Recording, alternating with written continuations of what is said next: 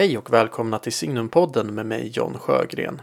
En samtalspodd producerad av tidskriften Signum som rör sig högt och lågt, vitt och brett inom Signums intressesfär. Det vill säga kultur, teologi, kyrka och samhälle. Det här avsnittet handlar om bildkonst. Äldre tiders konst var ju ofta skapad i ett väldigt tydligt kyrkligt sammanhang. Går det att förstå denna konst utanför sin sakrala och teologiska kontext? Och vad är egentligen skillnaden på religiös konst, en sakral bild och andligt innehåll? Med mig för att samtala om detta har jag Anna Jansson som är konstvetare och kommunikatör på Nationalmuseum i Stockholm. Vi kommer bland annat att diskutera verk av Caravaggio, Subaran och Bernini.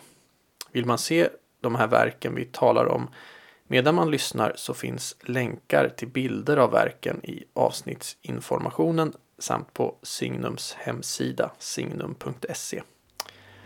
Hoppas ni ska finna samtalet intressant.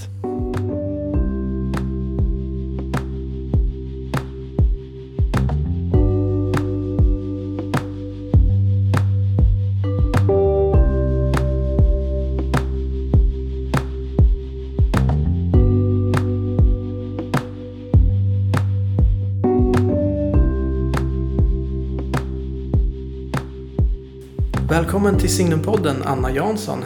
Tack så mycket. Eh, vi sitter i ditt kontor här, eh, inte långt från Nationalmuseum där du jobbar.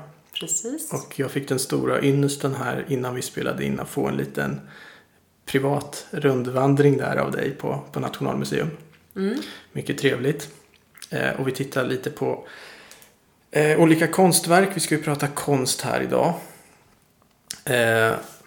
Och vid, framförallt om religiö religiös konst då. Och eh, det slog mig när vi var där och tittade att hemskt mycket konst, i alla fall om man tänker sig innan 1700-talet så är ju extremt mycket konst eh, religiöst präglad med religiösa motiv av, av olika slag. Eh, så en, en fråga som, som väcks är Ja, men om vi tar ett konstverk då. Vi, vi pratar om vi kunde utgå ifrån Caravaggio. Många känner, känner till Caravaggio. Caravaggios Matteus kallelse. En fantastisk målning. Mm. Eh, har betytt en hel del för mig. Har skrivit lite kort om den. Den pryder omslaget till en av mina böcker. Föreställer ju då eh, ja, Matteus kallelse som, som skildras i evangelierna. Eh, Alltså frågan är, går det att förstå ett sånt konstverk utanför sin religiösa kontext? Ja, om vi börjar i det som du tog upp först, att vi var och tittade på museet, Mm. eh, idag just Nationalmuseum som är min arbetsplats, så är det ju så att idag till skillnad från mot ja, tidig modern till 15, tidig modern tid, 15, 16, 1700-tal, så möter vi konst framförallt i museer, i museimiljön, som är en, en sekulär kontext men som faktiskt lite grann påminner om eh, kyrkan eh, på, på, på många sätt som man kan gå in på. Och där har man samlat konst efter eh, framförallt eh, konstnärliga kvaliteter, stilar. Eh, man vill ha museerna eh, som en slags eh, wunderkammer för eh, hela världen till en början och sen så renodlas det mer och mer och mer så att man extraherar mer etnografiska, antropologiska samlingar. I just, just Nationalmuseums fall så bryter man loss Moderna museet och man får, eh, det man har kvar är då en eh, slags västerlandets konsthistoria. Mm. Och i västerlandets konsthistoria så är den religiösa och kyrkliga konsten helt central, vilket ju förstås beror på att det var kyrkan och påvedömet som var de stora eh, beställarna Mm. i Rom i, eh, på 1500 och 1600-talet. Eh, Så det är där man idag möter konsten som en helt vanlig sekulär person eller för all del vanlig kristen eller muslimsk person. Eller kanske också i fallet Matteus kallelse som finns i, i Rom när man är som turist. Mm. Där finns det ju i en kyrka. Där finns den i en kyrka och det, det, det är en del av tre eh, målningar i ett kapell. Och då när man besöker det så kanske man besöker det just för att se att det är Caravaggio och man har läst att, att den målningen finns där. Och när man besöker ett konstmuseum och går igenom och tittar kanske man letar efter höjdpunkter som Rembrandt, Rafael, Caravaggio och så vidare. Och man går in i konstverken mer för att förstå konsthistorien och för att lite grann bocka av att man har sett en specifik konstnär i verkligheten. Och då går man ju inte in och tittar på verken i sin ursprungliga kontext. Eh, I alla fall inte på museibesöket och det beror ju på att konstverken har flyttat från sin ursprungliga kontext oavsett om det var så att de var eh, målade för ett specifikt kyrkorum och sen av olika anledningar har avyttrats eller om det var eh, målat till en privat samlare som sen har sålt vidare. Det finns ju alltså religiösa bilder så tidigt som på 1500 och 1600-talet som beställs för egen kontemplation av, av olika samlare. Men, men, men oavsett anledning så när man träffar på konstverken i museet så har de ju fått en, ett nytt sammanhang. Mm. Och där är vi ju för att titta på dem som konstnärliga exempel. Och då kan det vara lätt att man glömmer bort att det också finns en, en mm. religiös bakgrund och bruk. Mm. Ja, så är det ju. Uh, men om man tar då eh, exemplet här Matteus kallelse så är mm. det också ett så uppenbart eh, religiöst motiv. Mm. Kan man uppskatta det om man inte liksom har bakgrund till också till själva motivet? Förstår du min fråga? Alltså... Jag förstår precis din fråga och jag tror att om man inte alls känner till vare sig eh, Caravaggio eller eh, evangelierna mm. så tror jag ändå att man visuellt kan bli eh, berörd av det här konstverket för mm. att det är så starkt kom kompositionellt och det är så skickligt utfört. Mm. Det tror inte jag är i och för sig någonting som är unikt med, med, just Caravaggio utan nej, det finns det nej. förstås flera exempel på i konsthistorien. Det gäller kanske... ju väldigt många av de konstverk som vi tittade på här ja. Eh, innan vi kom hit. Ehm, men eh, sen så kan man diskutera och det här kan förstås vara faktiskt lite grann en känslig fråga att även om man då känner till evangeliet, evangelietexterna och förstår vad det är för, för berättelse mm. man ser, att man kan identifiera personen och vad det är som så att säga händer näst i berättelsen. Mm. Eh, så är det ju också förstås en skillnad om man tror på det. Just det. Vad som förmedlas. Mm, det är klart. Och där kan det vara intressant att diskutera eh, hur om man tror på det som berättas i ett konstverk, eller som förmedlas kanske man ska säga i ett konstverk, mm. innebär det att man då har en djupare förståelse av verket? Mm, just det. Vad tror du? Ja, om, eh, det kanske är bra att hålla sig till Matteus kallelse där för att det är alltid bra att eh, utgå från något konkret exempel. Så tror jag att jag tror precis som du är inne på, självklart kan en helt sekulär person som inte är troende eh, uppskatta det verket som, som bara rent konstverk betraktat då. Men det finns ju absolut dimensioner i verket som eh, inte är tillgängliga för den som i alla fall saknar kunskap om vad det handlar om. Alltså jag tänker att det här är ju en eh, jag, om jag jämför med litteratur då, jag är ju litteraturvetare i botten mm. så för mig är det enklare att, att uh, tänka utifrån litteratur. Men där blir ju uh, men det är väl ganska lik, liknande liksom i, i, i den litterära världen pratar man ju om intertexter. Liksom, mm. Att, att uh, det, texterna talar med andra texter och så. Mm. Och den stora liksom text som har varit grundläggande för, för hela väst, vår västerländska kultur är ju det, det Bibeln såklart. Mm. Och nästan all litteratur, låt säga innan 1800, eh, har ju Bibeln som alldeles självklar referensram. Och så oerhört många liksom, intertexter i varje text som talar med eh, de bibliska texterna på ett eller annat sätt. Eh, och om man saknar, och idag så i och med liksom sekulariseringen och så, så har ju människor inte samma Nej. självklara, att, att, att Bibeln finns som ett självklart berättelser som man Mm. kan, liksom, alltså som alla kan. Det var gemensamma berättelser för alla människor. Och då blir ju den litteraturen inte obegriplig kanske, men svårare att förstå i alla fall alla lager i den. Och så tänker jag ju ungefär liknande med konst och med Caravaggio till Mm. exempel. Att det går absolut att se konstverket och, och förstå att det här är ju en skicklig målare och också Mm. uppskatta liksom, det finns någon kraft i det ju. Mm. Bara, bara att titta Mm. på den för att det är en liksom, det lever ju på något sätt det konstverket. Mm. Alltså det, det finns ett liv i det och man kan bara se att det utstrålar någonting. Mm. Men sen för att förstå liksom skikten i alla betydelsebottnar som finns, eh, alla möjliga tolkningar som man kan göra utav det här verket, då måste man ju faktiskt ha den där eh, berättelsen.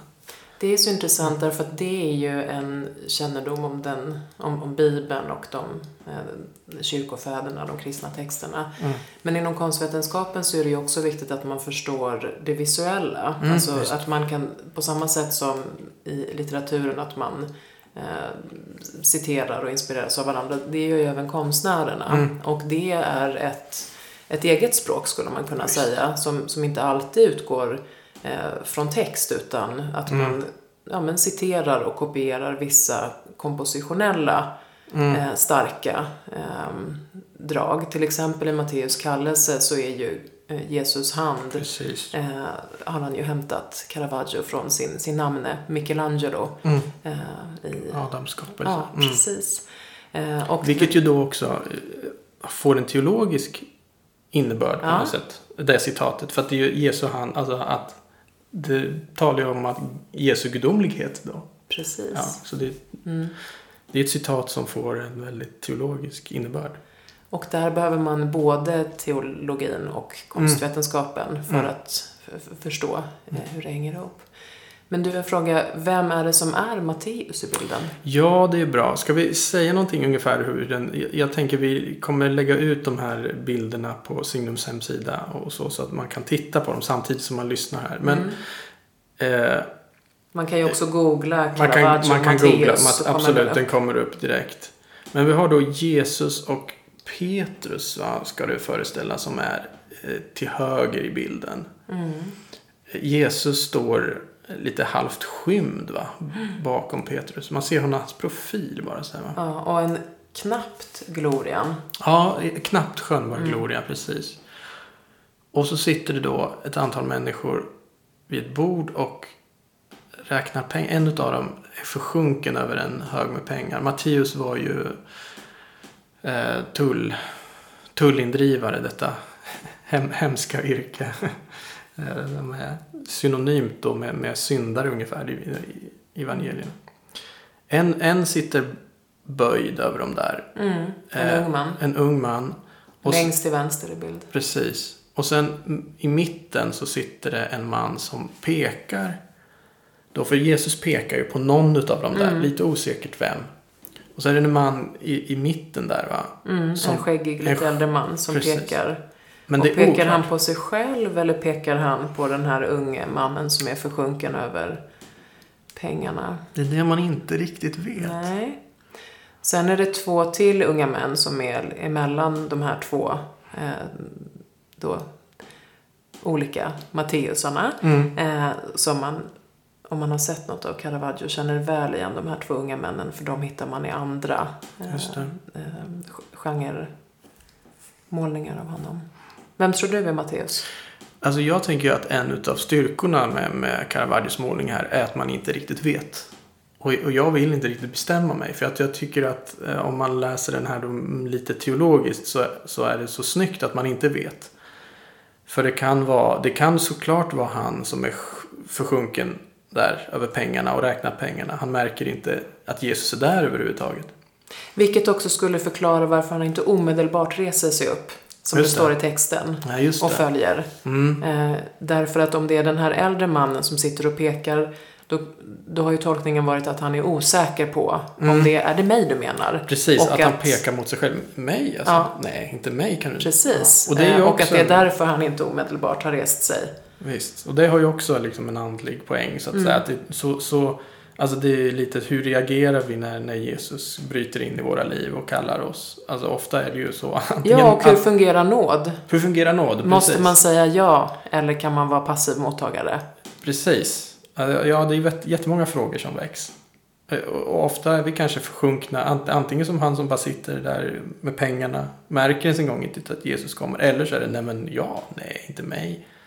Men han kan ju också peka, det är ju lite oklart också vart han pekar egentligen. Pekar han på sig själv? Eller pekar han på han som sitter? Han kan, det kan vara att han pekar på sig själv och säger ja, mig. Eller nej, han är det. Liksom inte mig. Nej, du måste mena honom. Så, men, men vem tänker du att det är? Eh, ja, alltså första gången som jag såg det här verket i, i, i verkligheten så att säga, för jag tycker att det är skillnad att se, Mm, särskilt en sån här stor målning, eh, när man ser den som en digital bild, nu sitter vi och tittar på den på min telefon, då får man ju en, helt annan eh, liksom upplevelse av kompositionen. På plats så sitter den ju i den vänstra delen av kapellet och man kan ju inte helt komma in. Så man ser inte den liksom rakt framifrån på plats och det är också lite olika hur ljuset faller i kapellet. Jag var helt övertygad om att det var den unga mannen. Eh, jag tror att konsthistoriskt så, så brukar man, så som jag har läst den senaste forskningen, väl säga att det är den skäggiga mannen. Och det är på en, eh, att man jämför med eh, eh, d'Arpino som alltså hade första eh, uppdraget för det här kapellet. Han skisser på hur han Okej. tecknade Matteus och att han just brukar skildras som lite äldre skäggig man i den här tiden eh, av eh, konstnärer eh, samtida med Caravaggio. Så att det är på stilistiska grunder. Som man då, eh, men jag trodde att det var den unga mannen och blev ganska, det var min liksom eh, vad ska man säga, intuitiva förståelse av verket när jag tittade på det. Och det kanske är för att när man står eh, vid kapellet så är han allra närmst. Vilket innebär att det är ju som att Jesus pekar mot oss och att man nästan fungerar eh, ja, att man kan leva sig in på ett annat sätt i den mannen som är försjunken. Den unga. Förstår du hur jag menar med Ja, det? jo, att man på, på plats kommer Närmare eh, honom. närmre. Eh, och eh, ja, att handen då också potentiellt skulle kunna gälla mig. Just Inte på det. precis samma sätt men på, på ett annat sätt. Och just den där eh, eh, närheten är ju någonting som eh, just Caravaggio eh, ja, lite grann är känd för med sina målningar. Det finns ju ett verk som är något senare, det här är väl från det här är väl 1599 eller sekelskiftet 1600 och några år senare så målar han en målning som brukar kallas för eh, Madonnan med pilgrimerna som ligger ganska nära den här kyrkan, det är bara runt hörnet i kyrkan Sant'Agostino. Eh, Och där är de två, det är också ett, det är ett väldigt grunt kapell till skillnad från, från det här som är lite djupare sidokapell. Och där så är det två eh, eh, pilgrimer, en man och en kvinna som knäböjer inför en madonna med, eh, med, med, med barnet. Eh, och det är en, eh, motivet skildrar en typ som heter Madonna di Loreto, men den, den kallas traditionellt för Madonna med pilgrimerna för att de här pilgrimerna blir eh, i sin samtid kritiserade av en annan konstnär som heter Giovanni Baglione som skriver om Caravaggio och sina samtida eh, konstnärskollegor i Rom. Att eh, man, det var eh, a great fuss över att de har smutsiga fötter och trasiga kläder när de tillber Madonnan. Eh, och att de är som, som vanliga människor. Och det är ju det som, som är så speciellt med Caravaggio om man jämför med andra samtida i Rom vid sekelskiftet 1600. Att den här naturalismen och realismen som man pratar om handlar inte bara om Eh, ibland förknippar man ju realism med att det ska vara fotorealistiskt på något sätt. Det, det blir ju anakronistiskt men eh, det är inte det man syftar på utan det är också att det är så, så mänskligt och nära, att det är smutsigt och att vi då skulle kunna vara de här Visst. pilgrimerna. Att de, de är eh, och jag tänker att det kanske är lite samma som i eh, Matteus kallelse. Ja, att jag kanske tolkar det är som den unga mannen för att jag så omedelbart placerar in mig själv i kompositionen. Och det är förstås, förstås ett liksom, retoriskt grepp som konstnärerna är medvetna om. Man komponerar Ja. ju inte en bild för att, allt, för att ses rakt framifrån. Nej. Utan den här bilden är ju komponerad för hur man rör sig i, i kapellet även när man firar mässor där. Just det. Eh, Och det måste man alltid komma ihåg när man tittar på, eh, på verk som antingen är gjorda för kyrkor eller finns kvar i kyrkor. Att de verkar i ett rum och är del av en, de har en beställare, det finns en religiös ritual kopplat till dem och det finns eh, regler eh, och begränsningar för hur man kan röra sig i rummet. Lite på samma tema så finns det ju en annan kyrka som, i Rom som heter eh, Chiesa Nuova, alltså eh, den heliga Filip Neris kyrka. Mm, just det. Och där så finns det ett, eh, också ett sidokapell som eh, en annan konstnär, nu vi, får vi hoppa bak några år, det här är på 1580-talet, en konstnär som heter Federico Barocci, han fick uppdrag av den heliga Filip Neri att måla en eh, Maria och Elisabets möte. Mm. Och där är det så tydligt att man själv som betraktare nästan, den ser man rakt framifrån, man nästan fulländar eh, kompositionen. Eh, och det är ju framför det här verket som eh, den heliga Filip Neri får Just det. eh, en av, ja, han hamnar i extas framför den här målningen. Att den målningen liksom triggar någonting eh, hos honom. Och det är en sån sak som jag tror är viktigt att man, man har med sig när man också på museer bet- betraktar religiös konst. Att det kanske inte alltid bara handlar om att förstå den bibliska berättelsen, den teologiska diskussionen eller den här konstnärliga, liksom hur konstnären arbetar med citat och inspireras av varandra. Utan också att förstå att det är konstverk som har ibland haft en funktion i ett rum och Mm. där rörelsemönstret har, eh, har påverkat hur man har sett det. Och jag Just menar, det. tänk att betrakta Matteus kallelse kring sekelskiftet 1600 på Mm. kvällen. Mm. Det är ju en helt annorlunda upplevelse än Mm. Ja, det går ju inte att jämföra med att titta med en högupplöst liksom, foto på sin, Nej, nej, sin skärm. annat. Och det är lätt att glömma bort i Mm. museimiljön där man har arbetar med, ehm, med speciell ljussättning, Mm. man arbetar med olika väggfärger, man kan arbeta med tematik och kontextualisering som liksom grundar sig på konsthistorien, stilar, Mm. eh, hur eh, olika konstnärer kände och inspirerade varandra och så vidare på ett mer liksom, ja, att lära på ett annat sätt. Mm. Ja, precis. Men ska vi, pra- vi prata lite här innan när vi, vi gick på vår lilla eh, Mm. konstvandring där. där. Man kan försöka reda lite i de här begreppen. För jag tänker nu en del som lyssnar här så kanske tycker att eh, vi snuddar vid något reduktivt här. Liksom Mm. Att man reducerar då konsten till liksom ett religiöst budskap eller Mm. så här.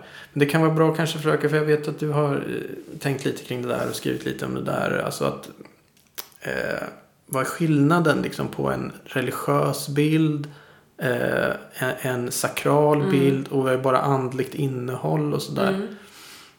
Eh, om, ja, men om vi tar då Caravaggio till om vi tar Matteus kallelse där. Vad, vad skulle du säga att det är? Det är liksom religiös, är det religiös konst? Ja, nej, det, det skulle jag säga är en, en, en sakral bild. En sakral Ja, Vad är skulle jag- skillnaden på, på en religiös bild och sakral bild? Ja, jag skulle nog säga att en eh, religiös bild har mer av ett narrativ. Mm. Eh, be- så, eller Matteus kallelse har ju också ett narrativ, men att Mm. berättelsen är det huvudsakliga i en religiös bild. Mm. Eh, Medan en sakral bild ingår i ehm, en religiös kontext. Mm, för det- Eh, för det ska en hänga i en Den ska kyrka. hänga i en Ja, kyrka.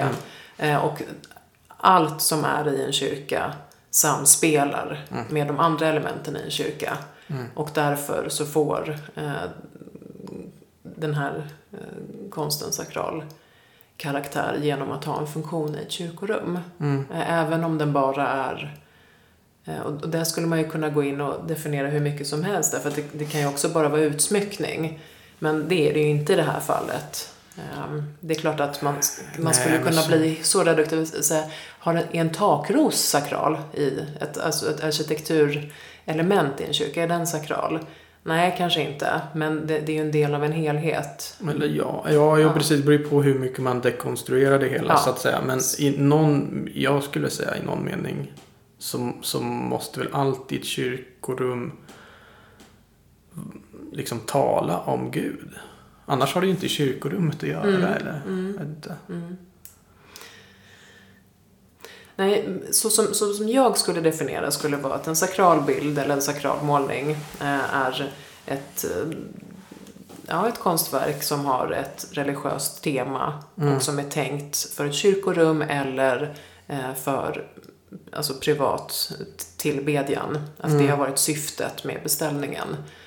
Eh, Medan religiösa bilder eh, kanske inte har varit tänkta för, för, för, ehm, för tillbedjan eh, eller mm, att vara i ett kyrkorum utan har ett religiöst innehåll. Mm. Men vad gäller andliga bilder så finns det ju hur mycket verk som helst i konsthistorien mm. som kan väcka en slags känsla av att det finns eh, någonting mer än den här verkligheten eller att det finns någonting mm. i vårt inre som aktiveras när vi tittar på ett sublimt landskap eller ett vackert landskap eller eh, när man ser eh, en otroligt eh, skicklig mm. Eh, målning så kan det väcka en, en känsla av att eh, ja, det finns någonting annat än, än just här och nu. Mm. Och det behöver ju inte vara så som vi definierar kristet. Nej. Utan det är en känsla som, som är eh, alla människor förunnade, eller hur man ska uttrycka sig. Jo, men verkligen. Det, eh, det är många människor som är liksom uttalat sekulära som pratar om poetiska rester i, mm. i dikter och i konstverk. Att det finns någonting, en känsla av, av, av evighet i vissa väl utförda konstverk.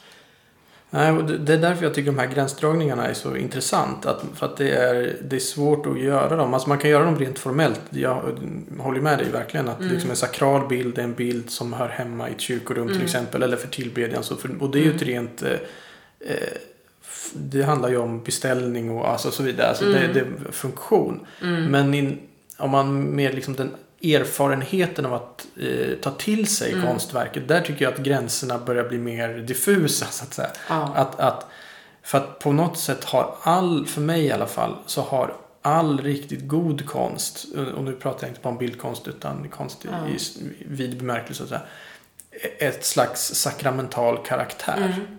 Alltså att det Hur menar du då? Kan du inte utveckla det? Jo, men att det för mig, alltså om man säger ett sakrament då är ju någonting i kyrkan. Jag pratar om det i överförd bemärkelse såklart. Mm. Men i, i kyrkan så är sakramenten någonting som på ett konkret sätt förmedlar Guds närvaro och mm. nåd till människan. Så mm. kan man uttrycka det då kort.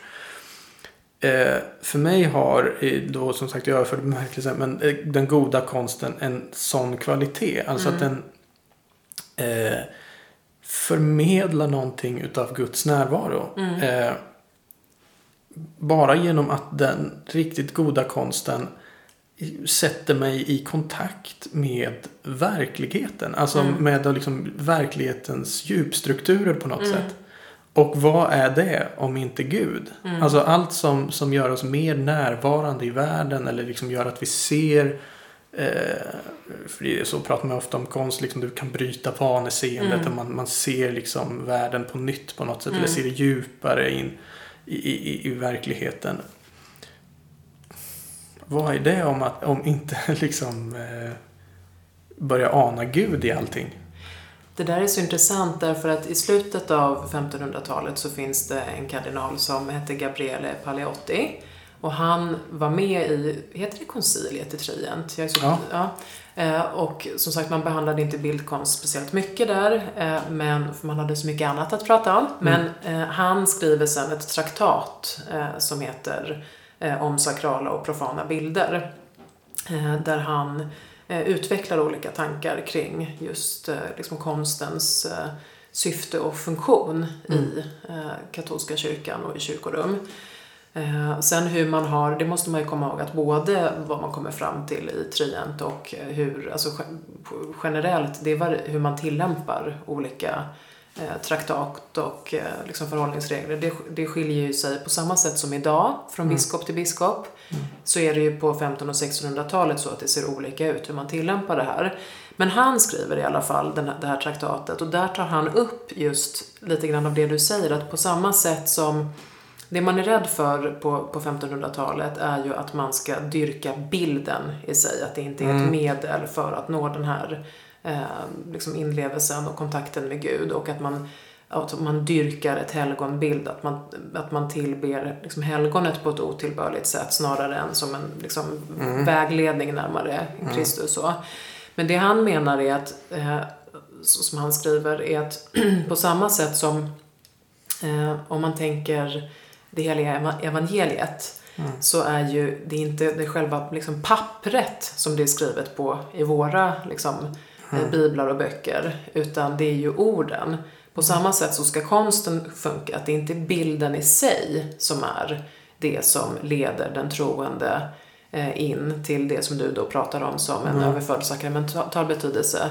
Utan det är vad man ser där. Eh, och det tycker jag är intressant att filosofera kring. Att man att eh, ordet blir kött. Mm. Eh, så. Och nu i den västerländska konsten då, som är det vi pratar om, eller den kristna konsten, så försöker man sen få, hur ska köttet bli bild? Mm, eh, och, så, eh, och hur kan det bli det på ett sätt där det inte blir eh, heresi eller ja, eh, ja, felaktig av, av, av gudadyrkan. Eh, och det är ju någonstans det hela, alltså mm. den kristna konsten handlar om. Att hur ska man kunna skildra det här som är så, um, så mycket större än vad vi är. Hur, hur vet, vi vet ju inte hur, hur, Jesus såg ut. Hur ska man, hur ska man kunna skildra honom på, mm. på ett sätt? Och där, vad gäller just konsten så är det intressant tycker jag med de spanska mystikerna. Mm. Eh, när man pratar om visioner och extaser. Därför att du tog nu upp sakramental som i överförd betydelse.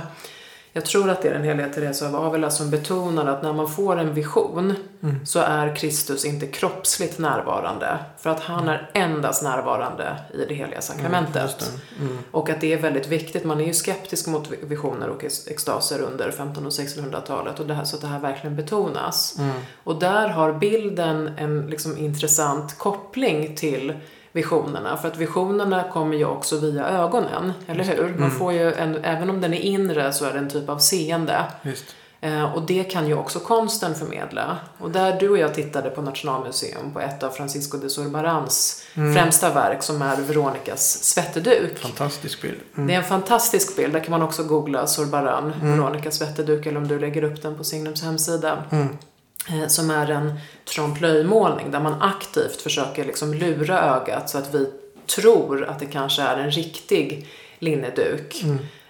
Um, och det är klart att beroende på hur den visades på, eh, på 1600-talet, den är från 1635, så kunde den här effekten se olika ut jämfört med när den hänger på en, en museivägg. Mm. Och att det finns en slags eh, syntes, eller vad man skulle kunna säga, i att man i en tid där man diskuterar visioner mm. också arbetar med att lura ögat. Att man liksom arbetar tillsammans där. Mm, Förstår du hur jag menar med mm, det? Mm. Eh, det tycker jag är väldigt eh, spännande. Att man mm. med hjälp av bilder också skulle kunna liksom trigga den här närvaron. Eh, det går ju också såklart att finna i Ignatius av Loyolas andliga övningar. Alltså mm. hur synen... Mm. Ja. Ja, man använder fantasin och så vidare ja. och går in i sin fantasi i ett eh, bibliskt skeende eller så. Ja. Mm. Mm. Ja, det är ju väldigt intressant. Man kommer ju in på djupa eh, saker här. Alltså för att, mm.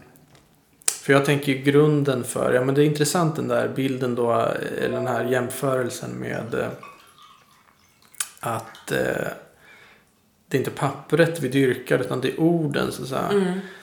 Eh, och det där om man överför det på bild det är jätteintressant. Alltså för att jag tänker att det som ytterst sett i den kristna traditionen liksom motiverar att vi ändå kan ha religiös konst. Det är ju inkarnationen. Att Gud ändå har gjort sig synlig. Eh, för många andra andliga traditioner och, och så skulle ju tycka att, eh, att det är heretiskt liksom, att försöka göra sig en avbild av Gud. Och, och, eh, men den kristna konsten är ju, är ju som tokig i bilder närmast. Alltså, det är ju verkligen en bildkultur även om vi såklart är, ordet är viktigt. Och, så, och sen efter reformationen i, i de lutherska traditionerna är ju ordet mer i centrum än bilden. Men, men jag tänker det där är ju Ja, man kan ju tänka djupt kring det där. För vad är det då egentligen i som gör konst så stark? Att viss konst lever. Och en del annan konst inte lever. Det skulle jag säga liksom att det finns ju att den riktigt goda konsten har någon typ av inkarnatorisk kvalitet. Det vill säga där möts ande och materia i någon slags perfekt giftermål. Eh, Det låter ju metafysiskt och flummigt men jag tror att det, det verkligen är så. Och det har med, med den här problematiken eller frågan om form och innehåll att göra också.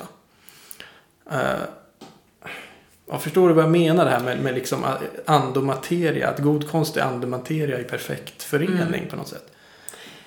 Ja.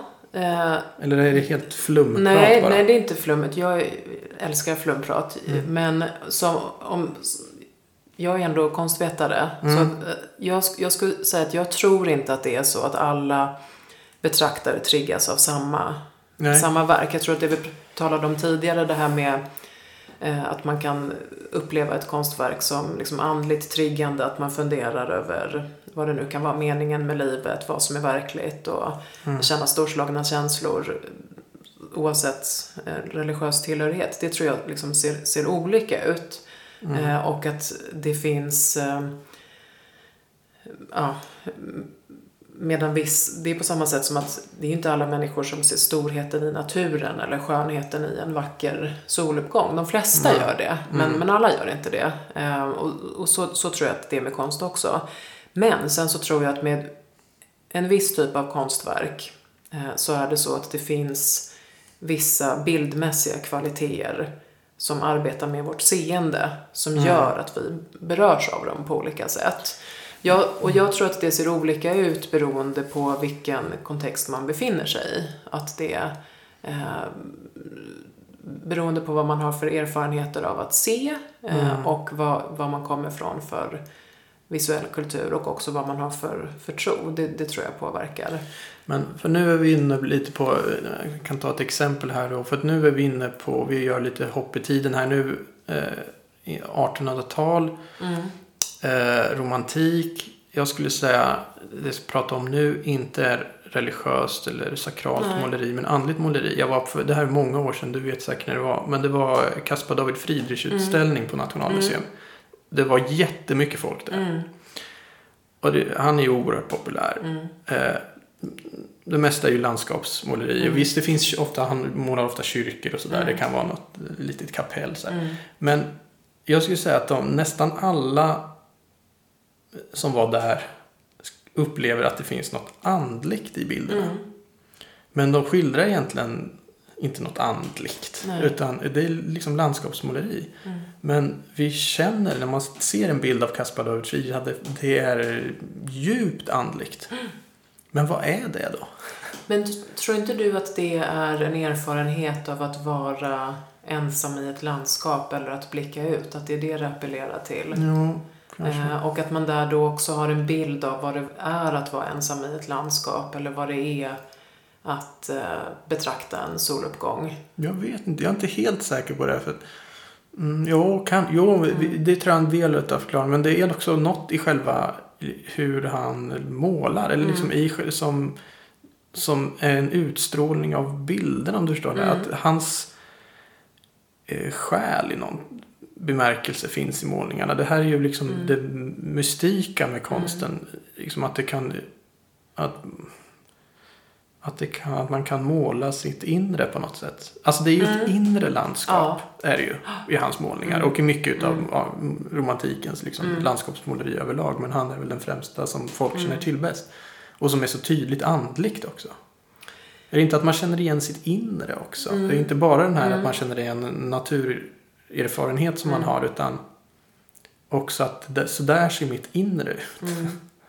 Jag tycker det är intressant att det är ju att det är dels att det inre då tar plats i ett landskap i det Mm. här fallet.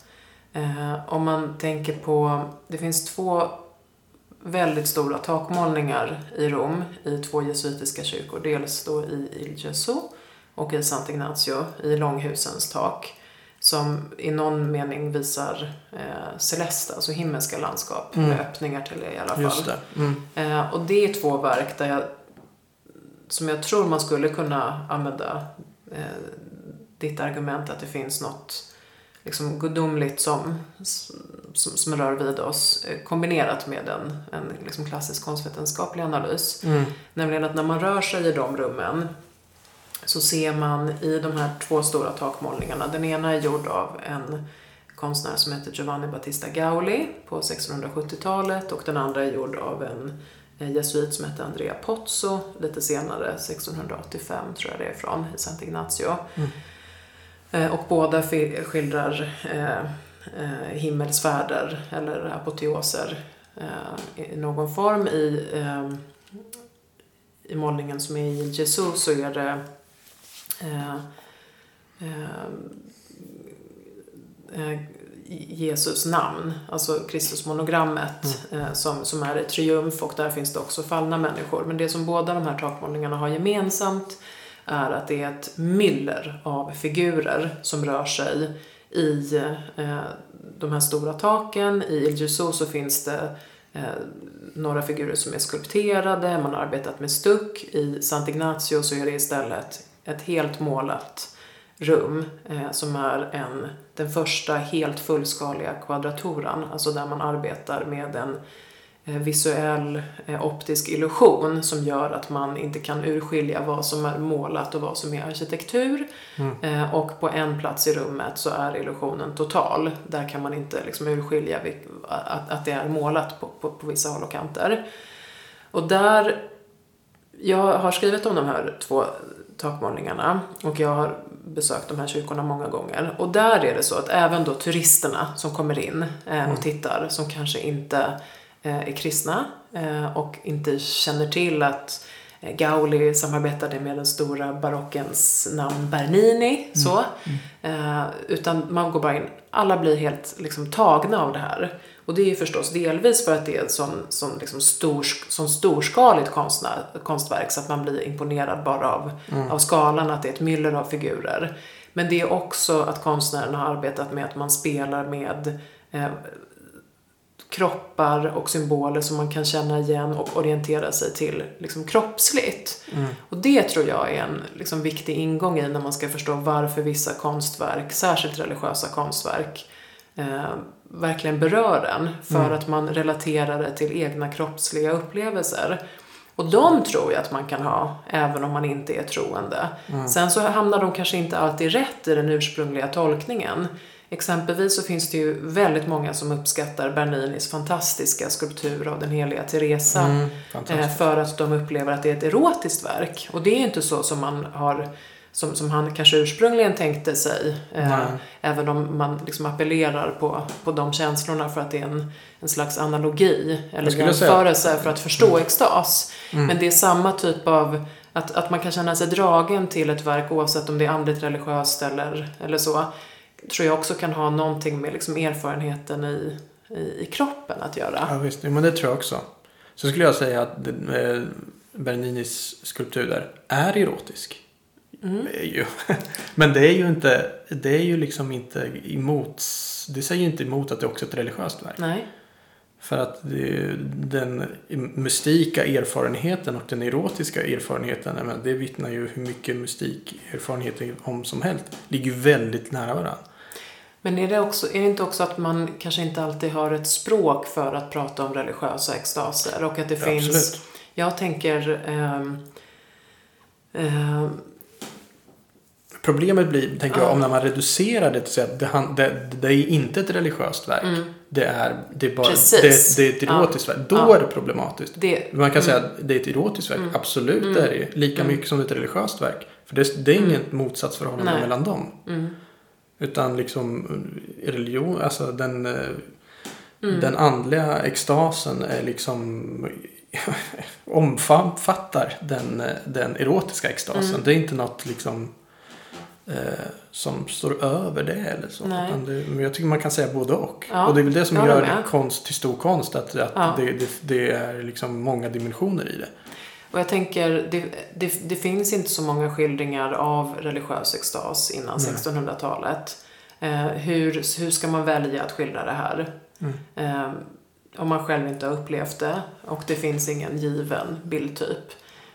Det är inte så konstigt att man vänder sig till eh, den liksom, erotiska extasen för att Nej. hitta en analogi eller en jämförelse. Och det, där, det är jätteintressant därför att på så vis så kan ju även eh, sekulära personer Mm. eh, utöver den otroliga, alltså det otroliga hantverket i Berninis verk Mm. så kan man ju också eh, knyta an till verket på det sättet så att säga. Visst. Sen kanske inte det är den eh, ursprungliga betydelsen men det behöver Nej. inte alltid spela så stor roll. Och jag, jag tycker inte alltid att man måste jaga vad som var eh, konstnärens mening eller eh, beställarens. Men f- om, om man vill tränga in djupare i tolkningar så, så, kom, så kommer det att hjälpa en att, att förstå. Mm. Eh, och varför det inte heller var ett liksom, chockartat verk utan att man hade kanske en större... Vi är ju så präglade av 1800-talets liksom, viktorianska syn och vi Mm. i Sverige är ju också liksom, präglade av en ja, protestantisk och frikyrklig sexualmoral som gör Mm. att det kan kännas att man intuitivt eh, väjer sig Ja, lite från det sinnliga och det kroppsliga. Men konsten från 1600-talet gör ju verkligen inte det. Nej.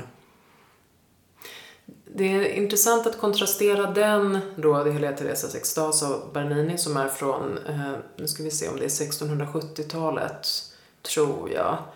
Jag kan ha fel. Eh, med med en, en annan väldigt fin skulptur, också i marmor, som också finns i Rom, i Trastevere, som, heter, som är eh, den heliga Cecilia. Mm. Och den är av Stefano Maderno. Mm. Så man kan googla Stefano Maderno och Santa Cecilia. Och det är en jättevacker skulptur som är i en, ja, nästan som en gravsättning med glas framför. Som är, eh, hon, hon ligger ner, eh, hon blev ju halshuggen. Så huvudet, eh, om man se, nu kan man inte se, men om man tittar på bilder så kan man se att det är ett liksom eh, svärdsjack eller vad man ska säga i nacken. Och så eh, ligger hon i en eh, eh, veckad, liksom så tidstypisk dräkt med huvudet ner. Eh, och så håller hon ut eh, eh, händerna med, i liksom välsignelsetecknet eller vad man ska säga. Mm. Och det är en skulptur som tillkom efter att man hade öppnat hennes grav och man hade hittat hennes eh, kropp helt oförstörd. Så där är det sagt då att den här skulpturen är gjord liksom helt efter hennes eh, så som konstnären Stefano Maderno och den kardinalen antar jag det var som öppnade graven hittade hennes eh, kropp. Och det, det tycker jag är två liksom, spännande kontraster kring Mm, verkligen. eh, båda i marmor. Det är ungefär 70 år mellan dem. Eh, tidig barock, sen barock. Mm. Eh, men när- närmar sig något, något evigt. Har du sett den? Nej, jag har sett eh, bilder av den. Ja. Ja. Eh, för- att du skickar dem till. Ja. den är ju stark på ett helt annat sätt. Ja, den är ju liksom, ja den är stark och brutal. Den är vacker och brutal på samma gång på något sätt. Mm. Mm, men det är också den här, ja men det är inte ofta i konst som har någon slags dubbelhet i sig som, som är den starkaste. Som Mm. är, eh, ja det är väl det som är också liksom det här mysteriet. Att det finns någonting i det som man inte riktigt blir klok på. Eller som man inte Mm. riktigt förstår. Mm. Är det inte det som är in- intressant konst? Jo, kanske, det kanske är så. Men jag är fortfarande inte helt säker på hur eh, din jämförelse med Friedrich, eh, hur, det, hur man... eh, jag skulle vilja komma åt vad det är som gör att du får den där känslan av det inre. Mm. Eh, för jag tror att det är olika mekanismer eh, i de här landskapsmålningarna om man jämför med exempelvis Maderno Cecilia eller Berninis eh, Teresa eller för all del Barocci, Mm. eh, hans Maria och Elisabeths möte. Mm. Jag tror att det är någonting eh, annat, alltså rent liksom kompositionsmässigt som, Ja. som väcker något i dig. Jo men det tror jag också. Och jag är inte konstvetare så jag kan inte liksom eh, analysera Nej, det. Jag men vet du bara att betraktar jag, det. jag betraktar Ja. det och vet att jag blir liksom berörd. Ja. Och sen är det svårt att sätta fingret på det. det. Men det är alltid det där någonting. Alltså att det finns någonting som man inte riktigt... Mm.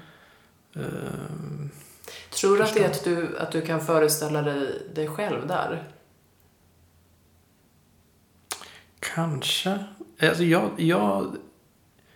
Min känsla är mer snarare att så här ser jag ut inuti. Om du. Mm. Alltså att det är en bild utav mig. Mm. Alltså att det är ett slags porträtt. Mm. Alltså och inte bara liksom av just... Alltså att det är Mm. så mänskligt liksom. Mm.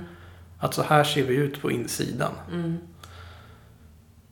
Och, det tänker jag på något sätt är kanske konstens uppgift eller en utav konstens uppgifter att den, Mm. den, den synliggör det osynliga. Och där Mm. har vi än en gång då det här inkarnatoriska Mm. i det.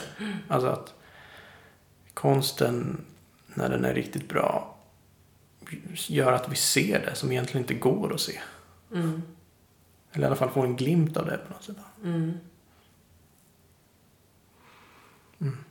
Jag tänker... ehm,